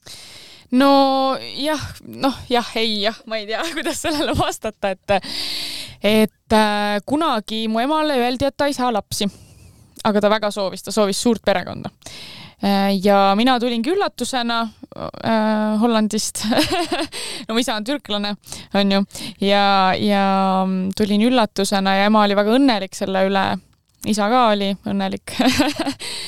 Ähm, ja Hollandis siis enne, kui ta ei teadnud veel, et mina olen tulemas, siis ta tutvus seal ühe naisterahvaga, kellel jah, olid selgeltnägemise võimed ja, ja see naisterahvas ütles talle, et tead, sul sünnib sellise missiooniga tütar ja, ja ma õpetan sulle mõned inimeste tervendamise võtted, kuidas, kuidas sa saad siis oma tütart aidata tema eluteel, on ju, või toetada ja, ja ühel hetkel ise ka inimestele väärtust luua ja, ja siis noh, ta muidugi võttis need võtted vastu, mida talle õpetati, aga ta ei kasutanud neid, jäi täiesti taustale. ja ühel hetkel, kui mina olin, ma ei mäleta seda vanust, aga, aga igatahes emal jäid silmad haigeks, kui ta raamatupidamist tegi ja siis ma ütlesin talle, nii aitab, nüüd sa pead hakkama oma elumissiooni tegema. Ja, ja niimoodi see kujunes, sest minul juba aastaid ennem seda, noh, inimesed käisid vastuvõtul ja nii ja tema, tema lihtsalt pakkus mulle selle turvalise keskkonna, ma olin hoitud, ma olin mõistetud, ma sain olla teadlik. Ja, ja niimoodi see kujuneski. Ja ühel hetkel mina ütlesin, et aitab, nüüd hakkad oma missiooni tegema. Ja, ja siis me hakkasime vaikselt koos, koos minema, et niimoodi see läks. kui, kui vana sa olid siis, kui su esimene klient tuli su juurde? Ma ei mäleta enam. ma ei mäleta, aga ma olin väga-väga-väga noor ja keegi ei, ei teadnud sellel hetkel, kui noor ma olen, ma ei ole kunagi näinud välja vastavalt oma vanusele mulle on ka öeldud sama, et aga ma arvan, et see on hea yeah., see on kompliment mm -hmm. tavaliselt naised tahavad kuulda, et nad on hullult noored, onju. aga tõesti, tegelikult see vanuse teema, mina tunnen, et ma olen lihtsalt kasutanud endale antud aega maksimaalselt ära. et ei saa võtta nii, et oo, tal ei ole kogemust, tal ei ole seda. no vot on ja sellised kogemused, mida osad inimesed mitte kunagi ei koge. et äh, lihtsalt minu elu on olnud selline ja yeah. ma arvan, et see on okei okay.. jah ju siis sinu nii-öelda hingeteel ja. on see vajalik ja. olnud, et sul on niisugune intensiivsus nagu antud. just, intensiivsus on väga hea sõna no ei saa teistmoodi nagu kirjeldada, sest et kui sa nagu lased seal mingi iga nädal mingi iga koolitus, kursus, värki, tuleb puhh, tule nüüd, tõmba potentsiaali avama et see ja. näitab seda tegelikult, et see on lahe jah, et seal on niisugune aga lähme siis äh, kaks tuhat kakskümmend kolm teadliku loomise juurde. et minu jaoks äh, võib öelda mõnes mõttes üks valulikke teemasid, kusjuures, et et kui, kui tahad nagu enda äh, elu nii-öelda perfektselt kujundada, noh, see on niisugune siia-sinna sõnastus onju et äh, parimal võimalikul moel, aga noh, olleski siis äh, nii-öelda, sul pole kellegi üle nagu vaadata ülevalt alla, vanemate, et ta peaaegu kasvanud, pole eeskujusid, kedagi pole matkida nii-öelda, siis äh, saadki korralikult sumbata selles äh, enesearengu teel, on ju, et äh, lõpuks siis jõuda nii-öelda teadliku elu juhtimiseni, et kuidas sina seda teadlikku elu juhtimist nagu kirjeldaksid? Jällegi, see on samm-sammuline minemine, aga kui sa tahad kuskilt alustada, siis nagu sa ütlesid, et sul ei ole neid eeskujusid otseselt olnud ja nii edasi, siis see on mõnes mõttes isegi hea. ma arvan, et eeskujude puudumine on parem kui halva eeskuju omamine. ja, ja mis on sinu see võti nüüd, on see, et sa saadki ise otsustada ja ise luua, milliseks naiseks sa kasvad ja sealt hakata minema ja see on juba teadvustamine ja siis see ongi teadlik juhtimine, sest sa annad kindla teadliku suuna kuhugi oma elus, on ju, siis mida sa soovid saavutada.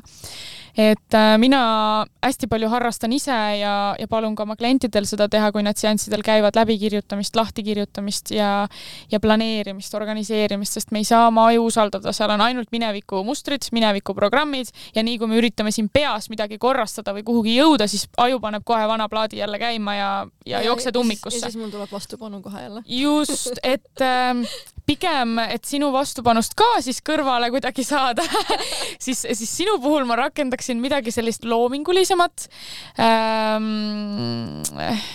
jah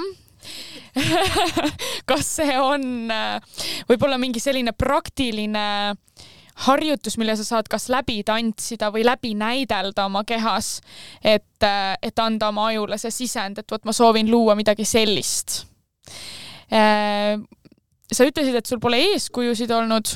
no ühiskonnast sa leiad kindlasti tegelikult need eeskujud, isegi ei, no, kui neid on mitu. selles mõttes on olnud ja siis sa saadki, mm -hmm, ja siis sa saadki nende ühiskonna eeskujude pealt kirjutada endale selle isiksuse visiooni nagu lahti et milliseks ma siis soovin kasvada. ja kui sa siis need isiksuse visiooni omadused veel omakorda lahti defineerid, et mida need sinu jaoks tähendavad, siis su aju võib-olla ei saa aru, mida tähendab enesearmastus, mida tähendab enesekindlus, on ju, millistes olukordades mul on vaja neid treenida oma ellu, et, et su aju ei saa nendest asjadest aru ja kui sa need lahti defineerid, vot siis sa saad hakata kujundama seda tegevuskava, et kuidas ma seda endasse nüüd hakkan treenima. et minul oli täpselt sama selle ebakindluse või alaväärsusega, et äh, kui ma panin sinna vastukaaluks enesekindlus äh, julgus, siis mu aju ei saanud sellest aru. ma defineerisin selle lahti, lõin seose, millistes olukordades ma ei ole veel see ja kuidas ma saan hakata seda teadlikult treenima, oma ellu kutsuma, ankurdama ja panin tegevuskava kirja, konkreetsed sammud ja hakkasin minema. niimoodi see läheb. et äh, samamoodi ma soovitan oma klientidele isiksuse visioon, milliseks naiseks või meheks sa tahad kasvada, kirjutad omadused lahti, tegevuskava läheb et sellest võiks tegelikult alustada. sinna juurde tuleb veel igasuguseid asju, aga äh, aastaks kaks tuhat kakskümmend kolm, mis ma soovitan, niisugused ankru küsimused, ühe ma juba ütlesin, et milliseks naiseks või meheks ma tahan kasvada, onju, ja siis rasketes situatsioonides äh, seda meeles pidada ja küsida endalt, et oota, stopp, kuidas praegu käituks see naine, kelleks ma tahan kasvada ja, ja ankurdada, mängida kasvõi läbi, visualiseerida, kuidas ta istuks, kuidas ta räägiks, kuidas ta äh, lahendaks selle olukorra, kuidas ta oma häält kasutaks, onju. et sellega sa annadki selle uue sisendi ajule. et see küsimus on lihtsalt hästi hea, et kuidas praegu see naine käituks, siis saad kohe nagu käima. ja teine küsimus, mida ma soovitan kasutada sellel uuel aastal, on see, et ähm, või nüüd juba praegusel aastal on, on see, et mis on need hetked, kus ma endaga konflikti lähen kus ma ennast reedan. sellepärast, et need ongi need kohad, kus enesearmastus kaob täiesti ära, kus ma annan juhtimise, oma elu eest juhtimise kellegi teise kätte varjule siis nii-öelda? Eh, varjule või teisele inimesele reaalselt mm.. et eh, sest, et kui ma ennast reedan, siis ma nõustun kellegi poolt millegagi, mis mulle ei meeldi ja, ja siis keegi teine omab võimu minu elu üle. aga kui ma märkan ära need kohad, et kus ma lähen endaga konflikti, kus ma, kus ma reedan ennast, noh, enesereetmine võib tähendada seda, et ma ütlen jaa, aga tegelikult tahaks öelda ei. Või äh, murran mingit endale antud lubadust näiteks. Või äh, ei väljenda oma vajadusi. et äh, ja kui ma nüüd leian need kohad ülesse, siis ma saan seda muuta. Ja siis ma saan uuesti oma rajale tagasi, siis ma saan teadlikult luua seda, mida ma tahan et need ankru küsimused. ja mulle meeldib, et sa tood kohe siuksed nagu praktilised niimoodi, niimoodi ja niimoodi sa ankurdad äh,, sest et äh, meil tavaliselt on ikkagi ju see illusioon, et me tahame lihtsalt nagu noh, ma toon enda näite, täisväärtuslikku elu lihtsalt nagu push'id ja push'id seda sõna, aga mis see siis nagu täpselt on? just, defineeri ära. nagu, mis see eh, nagu tegevused siis nagu ma pean tegema, et mm -hmm. sinna jõuda. ei, ma lihtsalt tahan seda mm. -hmm. siis see on jälle selline nagu. ja siis istun ja ootan. jah, ootamise momendis on ju, ja jälle siuke nagu väike laps, kes mina tahan seda kommi mm. -hmm. just. ja ega tegelikult ongi, et me täiskasvanutena ju alati otsime elus seda, millest mul lapsena puudus oli ja niimoodi ongi see ring, kuni me saame teadlikuks -hmm. sellest, mida ma vajan ja siis ma saan seda iseendale pakkuda. jah, nõus. nii et äh, ma praegu teen ka sellist äh, pakun naistele sellist äh, coaching, tantsulist coaching ut. väga hea, nii sinulik, super kusjuures ma tahtsin, ma tahtsin seda öelda sellepärast, et äh, et sa mainisid ennem tantsu, vaata, et sa läbi tantsu oma selle varju mm -hmm. või mingi tantsid lahti või mingi. tee palun varjutantsu naistele, jumala hea! palun reklaamin siin ja praegu, tulge kõik Elise varjutantsu, nii hea, see on geniaalne õpi kõigepealt oma varju tundma läbi, läbi tantsu ja siis teistele, jumala hea. küll täitsa mm jumala hea, sest tead, kui palju me noh, me tahame alati olla naistena, meil on ikkagi naiste podcast on ju, et, et me tahame naistena olla need ideaalsed naised ja, ja ma olen väga paljudele klientidele, naissoost klientidele öelnud, et loo endale see varju imidž. üks ostis endale saatana sarved, üks ostis punase pesu on ju, teine, teisel on see ankur, et kui ta paneb punased kontsad, siis ta on oma see varju, see mingisugune tüdruk ühesõnaga. Et, et siis ta nagu laseb selle varju poole valla ja naudib seda. Äh, kolmas, neljas, viies klient ütles seda, et äh, et äh, ta pole mitte kunagi saanud olla see paha tüdruk ja lõbutseda ennast välja elada või saata kedagi sinna sausesse onju või mis iganes, ma ütlesin no nii, no nii.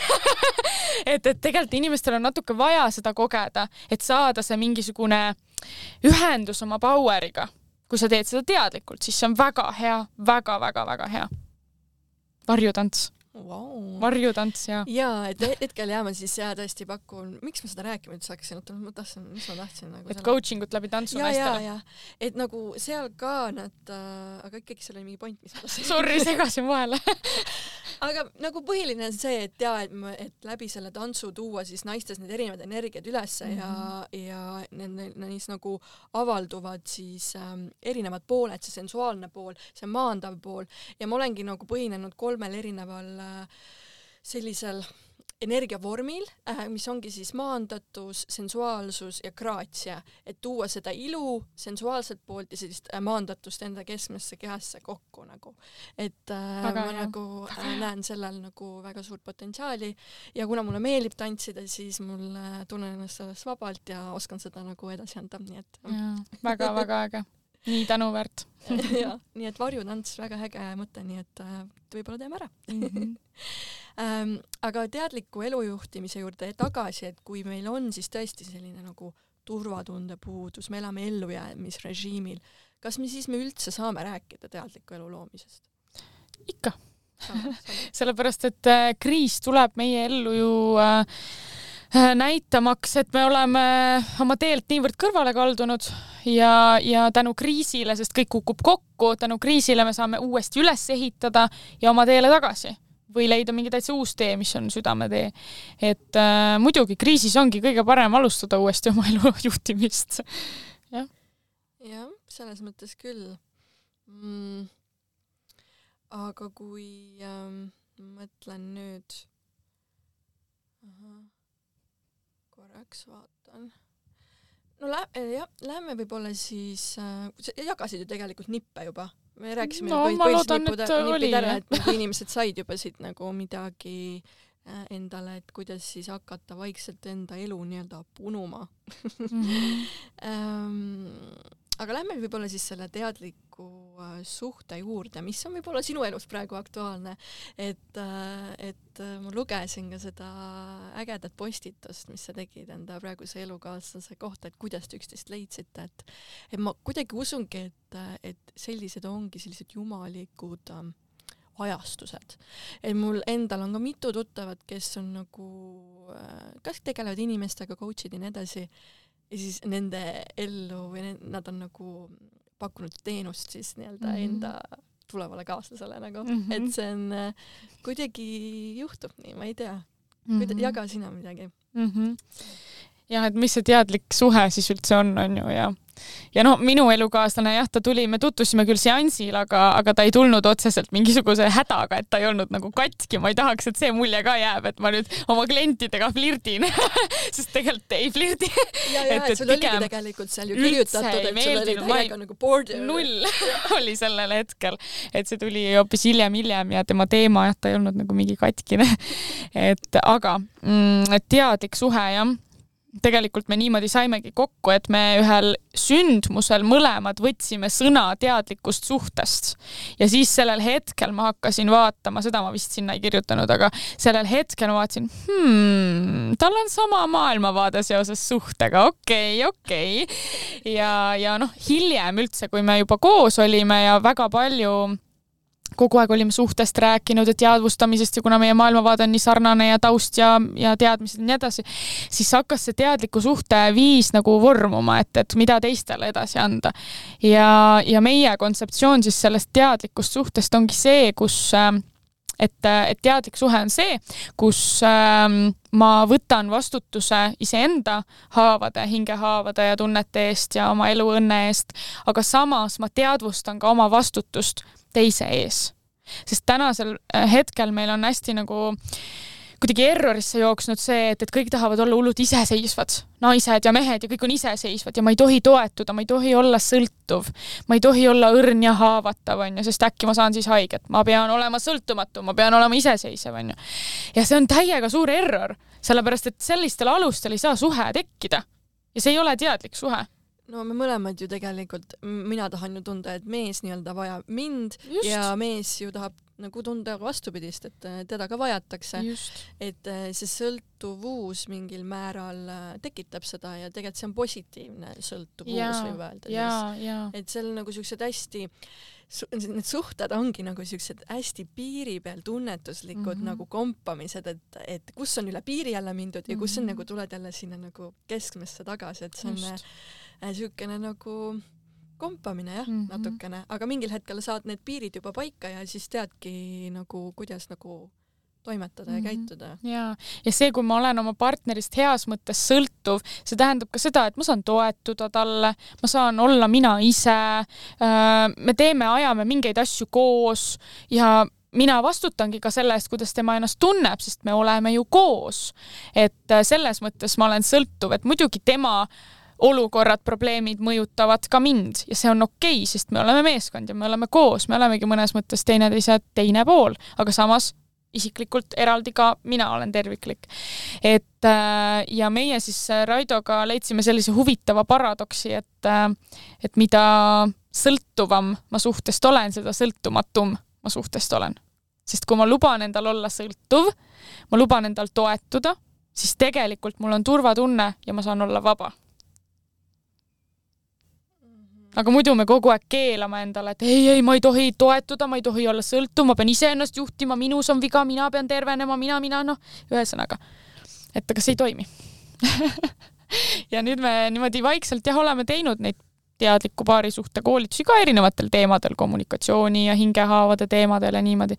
see pole üldse tegelikult meie eesmärk, see on niisugune kõrvaline väike projekt, et luua suhete valdkonda ka väärtust, sest me jagamegi seda kogemust, mis, mis meie elus on, eks ju. aga noh, kuna see nii hästi on toiminud, need meie teadmised, siis me mõtlesime, miks mitte teistele edasi anda, onju. aga vot see toetus võib minna ka nagu selliseks onju äh, jälle tei-, noh nagu me räägimegi teise äärmusesse äh, selliseks nagu kas pahatahtlikuks just, aga vot just siuke ärakasutav äh, teist äh, kuidagi mingil viisil. äh,, et äh, igasuguseid et- asju tuleb ette suhetes. jah, no täpselt, et aga no selline jaa, on päris hästi nagu et selles mõttes sa mõtled see teine, teisele toetumine siis, kui, kui ma mm, ei taha üldse vastutust võtta oma elu eest ise või? näiteks jah, jah, Mhm. jah, jah. no seal on erinevaid versioone, Mhm. miks, miks võib asi või, või see toetus või sõltumine üle piiri minna. et seal on erinevaid asju jah. No iga asjaga ei tohi liialdada. kõik tasakaal on võti jah. jah, jah, et äh, elu tasakaal, jah, elu see võti on tasakaal mm. -hmm. Äh, aga kuidas siis inimesed võiksid endale teadlikud äh, suhet luua, räägimegi siin ju teadliku elu loomisest ja mis on siis äh, võib-olla need äh, stepid, et kui nagu inimene on nüüd valmis tõesti nagu tahaks sellist äh, teadlikku endasugust äh, ka Mhm. nagu enda ellu. no kõigepealt seda vastust te juba teate, tuleb ikkagi alustada sellest, et mina ise olen teadlik ja teadvustan oma elu, oma varju, oma ego, seda, mida mina tahan, minu väärtused, minu piirid, minu vajadused, hästi selge. ja siis, kui sa asud otsingutele otsingud. või noh, oled avatud, siis minu arust otsing on ka väga okei okay. see on väga okei okay,, sest me kõik soovime suhet oma ellu, Tegelikult. Äh, jaa, ma olen ka selle peale nagu et see ei ole häbi, kui ma ütlen, et ma olen otsingutel. vaata, sellel, sellel nii palju on nagu räägitud, et, et ära nüüd, et, jah, ära otsi. et kõigepealt on see, et otsi, siis sa leiad, onju, või midagi sellist, siis on vastupidi, et kes ei otsi, see leiab ja et siin on nagu nii vastakaid arvamusi ja ma ei teagi nagu siis oleme lihtsalt ehedad ja inimlikud ja on okei okay,, võite sellest artikli kuhugi kirjutada, on okei okay olla suhete otsingul. sest me oleme inimesed ja me tahame suhet, me tahame armastust, me tahame lähedust, väga okei okay,, ei ole häbiasi. nii, kui inimene asub otsingutele, siis ähm,, siis ähm, ongi see, et kohe, kui sa tutvud kellegagi, sa ei pea väga nagu push ima või, või sundima seda, aga luua see selgus, et kas te otsite samu asju kas teil on samad vajadused, kas teil on piirid, millised piirid need on, millised väärtused teil on, et sa saad kohe aru. Ja nüüd ongi see aususe koht iseenda suunas, et äh, kas see, kas sa armud inimese potentsiaali või sa armud päris temasse. Ja, ja kas Jaa. tema on valmis ka seda potentsiaali valima? Et kui ei ole, siis palun ole aus, palun ole aus enda vastu. Ja, ja liigu edasi. Ja teadvusta ja kasva läbi selle ja siis tuleb see õige partner. et äh, mida ausam ja ehedam sa ise oled, seda ausama ja ehedama partneri sa ligi tõmbad. veel üks hästi tähtis niisugune mõte, mis aitab kaasa, kui sa tahad leida teadlikku suhet. et äh, see, kuidas maailm või partner või mehed või teised inimesed kohtlevad mind, peegeldab mulle, kuidas ma kohtlen iseennast. ehk siis välist maailma ma loon läbi oma sisemaailma. Kui ma kohtlen iseennast nii, nagu ma tahaks, et minu partner mind kohtleb, siis ma tõmbangi selle partneri endale ligi. et kõike saab nagu sissepoole peegeldada tagasi ja sealt hakkabki see, et sa tõmbad päriselt ligi omale ellu selle, selle teadliku partneri, samasuguse nagu sina oled. ja mina manifesteerisingi endale mm, või noh, küsisin lihtsalt elult, see oli minu niisugune mantra peas, et ma soovin oma ellu sellist meest, kes oleks nagu mina, aga mehe kehas jah, ja, ja teine lause sinna juurde oli see, et ma soovin endale seda maksimaalselt kõige paremat võimalikku meest, kes maailmas eksisteerib. meest, suure algustähega. jah. ja tuli. nojah. ja tuligi. ja, ja, ja ja kui kiiresti ma ei mäleta enam äkki. ma ei mäleta jah mingi poole aastaga äkki mm.. jah, seal oli vahepeal mingid asjad veel, mis oli vaja läbi kogeda ja õppida ja läbi käia ja siis tuli mulle väga meeldis, et sa mainisid seda, et me tihtipeale armume potentsiaali ära, sest mm -hmm. mina olin mhm. tõesti potentsiaali ar äh, armuja, et ma nägin äh, selles mehes, et kuhu tal on võimalik minna. et, äh, et seda olin, nii tihti. olin kinda nagu see tervendaja healer girl onju mm, -hmm. et, et tegelikult, mis sa teed, sa lepid vähemaga kogu aeg selles suhtes, sa lased nagu äh, noh, ei austa lõpuks iseenda nagu vajadusi iseennast, et, et see sai üsna kiiresti mulle selgeks, kui mul olid sellised nagu kogemused, et äh, just sa pead nagu vaatama, mis mm -hmm. praegu on ja mitte arvama, et isegi, et see inimene ja. nagu muutub, et äh, just see, mis ta on. ja, või siis see, et, et sa näed, et ta on valmis selleks ja ta astub reaalseid samme selle suunas praegu siin mm, -hmm. et siis on ka see okei okay, nagu uskuda tema potentsiaali aga millegipärast sa sellise inimese ju ligi tõmbad, et võib-olla ka sina ise ei ole oma potentsiaali valmis vastu võtma ja edasi liikuma mingis võtmes. et, et äh, väga paljud naised teevad seda, et nad äh, näevad potentsiaali. noh, naised on sellised hoolitsejad ema, ema instinkt mm -hmm. lööb välja, vaata, tahaks, tahaks tõsta meest. aga tegelikult nagu, mis nüüd äh, tänapäeval hästi nagu üles on tulnud, ongi see, et äh, ole nagu veidi bitch ka, vaata, et äh, et äh, tervislikult bitch äh,. Men loves bitches oli see raamat üks, mis äh,, mis on väga nagu populaarne viimasel ajal, mida ma tegelikult nagu arvan ka, et see noh, see ei ole nagu see, et sa oled halb bitch või nagu halvas mõistes, vaid see on just see, et tead oma väärtusi, tead oma piire mm -hmm. ja, ja oskad ennast nagu inimese tasandil siin nagu kommunikeerida. ikkagi teadlik ja ennast tervendanud naine, ütleks ja. ma selle kohta. et äh, siis saab see mees ka samamoodi kasvada sinu kõrval ja koos saate minna mm, -hmm. jah aga milline peaks olema võib-olla naise siis suhtumine mehesse ja vastupidi, et luua selline õnnelik suhe? Vot, meestel ja naistel on ju väga palju erinevusi. Ja selliseid erinevusi, mida me ei saagi kunagi mõista, sellepärast et me oleme mees, mees ja naine. Naine ja mees. Ehm, ja mõned asjad on sellised, mis tuleb lihtsalt ära õppida, lihtsalt saada selgeks, et vot, meestel on nii, naistel on nii ja selle järgi elada, käituda, et noh, näiteks meestel on rohkem nagu selline oma aja ja vabaduse vajadus ja, ja naistel on rohkem siis see läheduse ja turvatunde vajadus. ja kui need asjad panna omavahel teadlikult koos toimima, siis, siis asi toimibki. aga see suhtumine peaks olema lugupidav ja austav ikkagi et ma ei oskagi midagi, jaa, ma ei oskagi midagi muud välja tuua, sest et noh, tänapäeval ühiskonnas on natukene, noh, mitte natuke, väga palju hakanud tekkima ikkagi need sellised äh, noh, et mehed teevad naiste üle nalja ja naised teevad meeste üle nalja ja kuidagi niimoodi ironiseerivad ja, ja noh, siuksed naljad just, ja mingid mustad just, naljad. minu arust see ei ole okei okay,, sest ja. me rüvetame pühalikkust läbi selle. et samamoodi seksiga, et ikkagi tehakse sellest see meelelahutus ja, ja minu arust see võtab ära selle väe ja pühalikkuse sealt tagant, et ühiskonnas, mis praegu toimub mm. -hmm. ja kuidas sa ise nagu sellesse suhtud, et et noh, Instagram on põhimõtteliselt nii-öelda pornograafiale üles ehitatud, üldse internetis kogu see pornograafia on ju ja et naised enda kehaga nagu eksponeerivad seal nagu näitavad mm -hmm. ükskõik mida on ju. aga miks välja. nad seda teevad, on sellepärast, et nad teenivad armastust välja. ja see on see on ilmselt olnud kõik, mida nad on osanud ja see, mida ühiskond neilt justkui ootab, aga tegelikult, kes seda ootab? kes seda tegelikult ootab? et äh, ühiskond, ma ei tea, kas ikka ootab seda? võib-olla see on illusioon, sellepärast et me teame, kuidas mehed suhtuvad nendesse naistesse, neid ei võeta tõsiselt tegelikult ei võeta. jaa, muidugi hakka, hakkavad seal fantaseerima ja mõtlema peas, mida nad kõik teeksid ja nii edasi, aga need mehed ei taha selliseid naisi päriselt naiseks.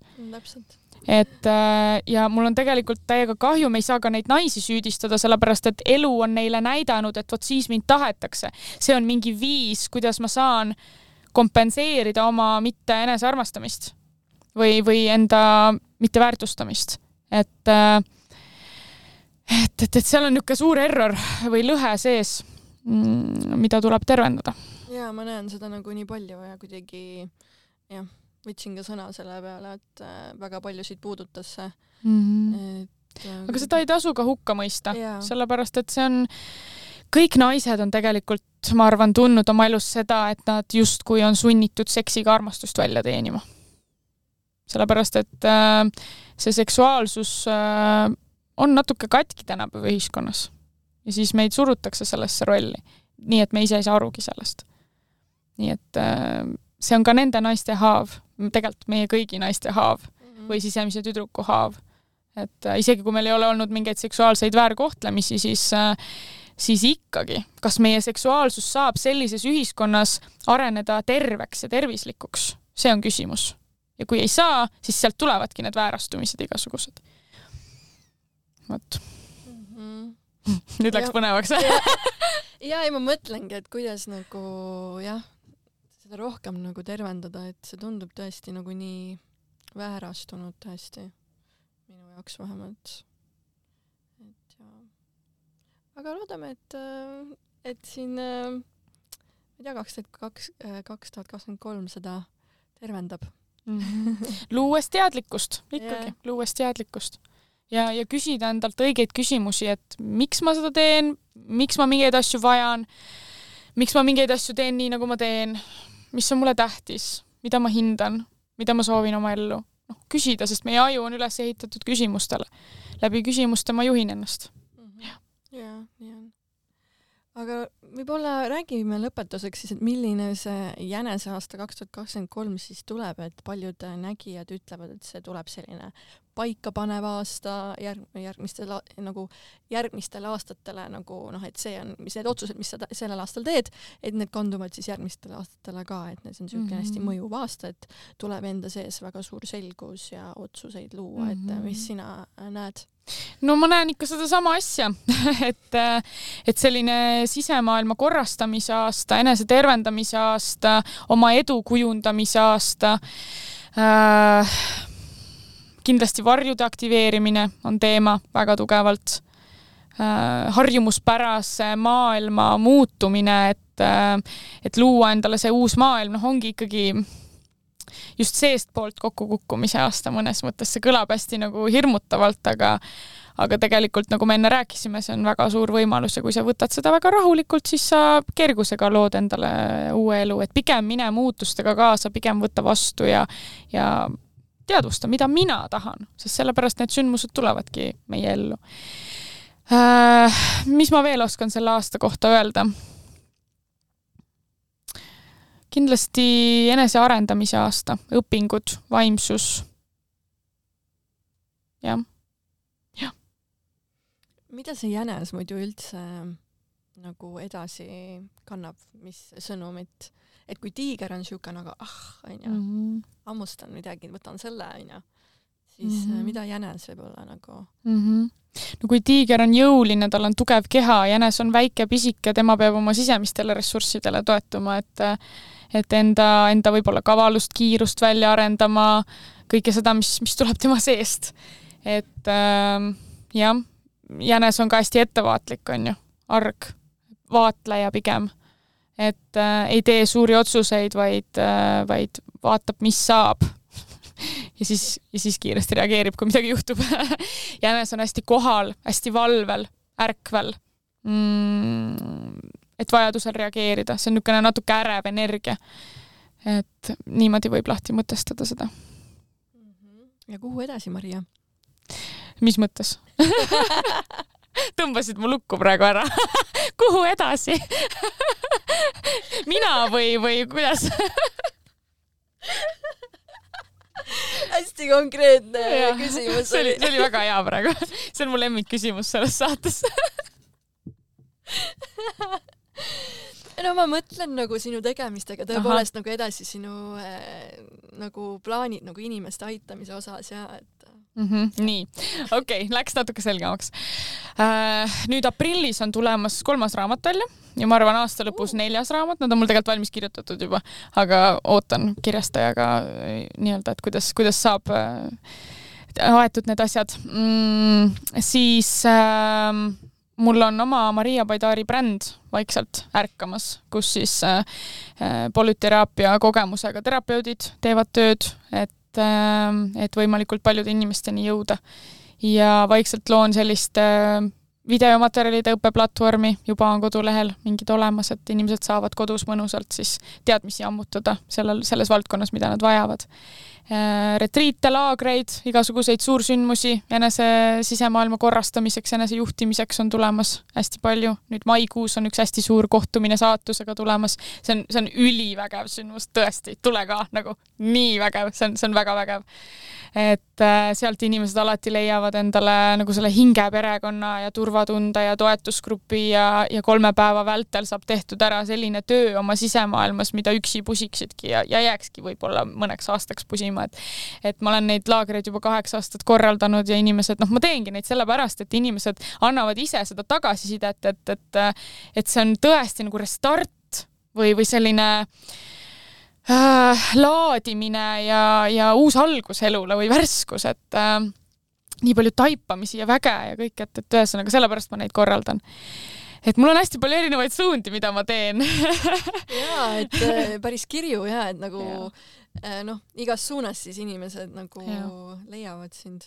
jaa, aga see, see kirjutamine, ma tean, et siis, kui ma sinu nendes äh, keskustes ka käisin, siis sa juba kirjutasid, siis sa juba andsid tegelikult välja, Mhm. et kas see kirjutamine on ka nagu alati olnud sinuga, et sulle meeldib ja tulebki jälle nii voolavalt? vot see ei ole alati tulnud äh,, alati olnud, tähendab, et äh, kirjutamine tuli äkki gümnaasiumis. et äh, kuigi jah, nagu enda tarbeks, oma elu juhtimiseks kirjutamine ikka on olnud tööriist alati, nii kaua kui ma mäletan. aga äh, raamatute kirjutamine kui selline, see, see tuli ühel hetkel ühe Kreeka reisi ajal mul niimoodi, et nii, nüüd on vaja raamat kirjutada, lihtsalt tuli niimoodi ja ma hakkasingi kirjutama ja kahe päeva pärast ma ei tea, kust kirjutas mulle minu kirjastaja ja ütles, et kas te olete mõelnud oma teadmiste avaldamisele raamatu näol. oh täiesti niimoodi, välk selgest taevast. ma ei teadnud seni seda inimest, tema ei teadnud mind. et mitte keegi ei teadnud, et ma raamatut kirjutan.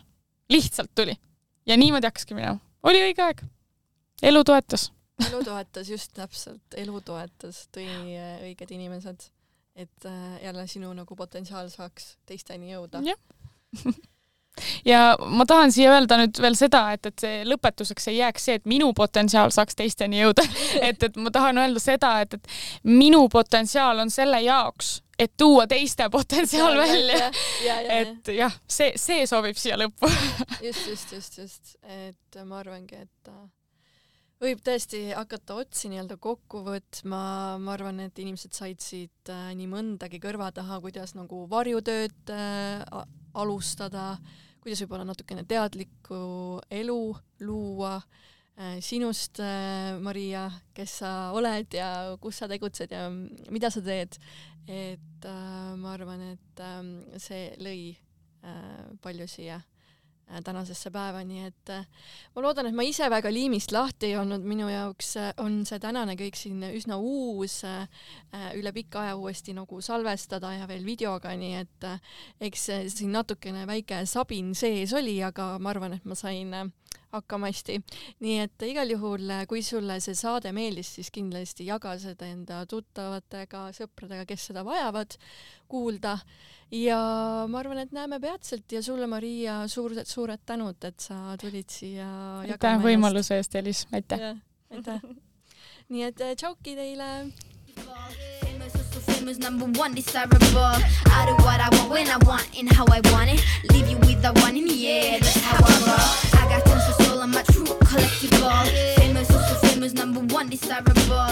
I do what I want when I want and how I want.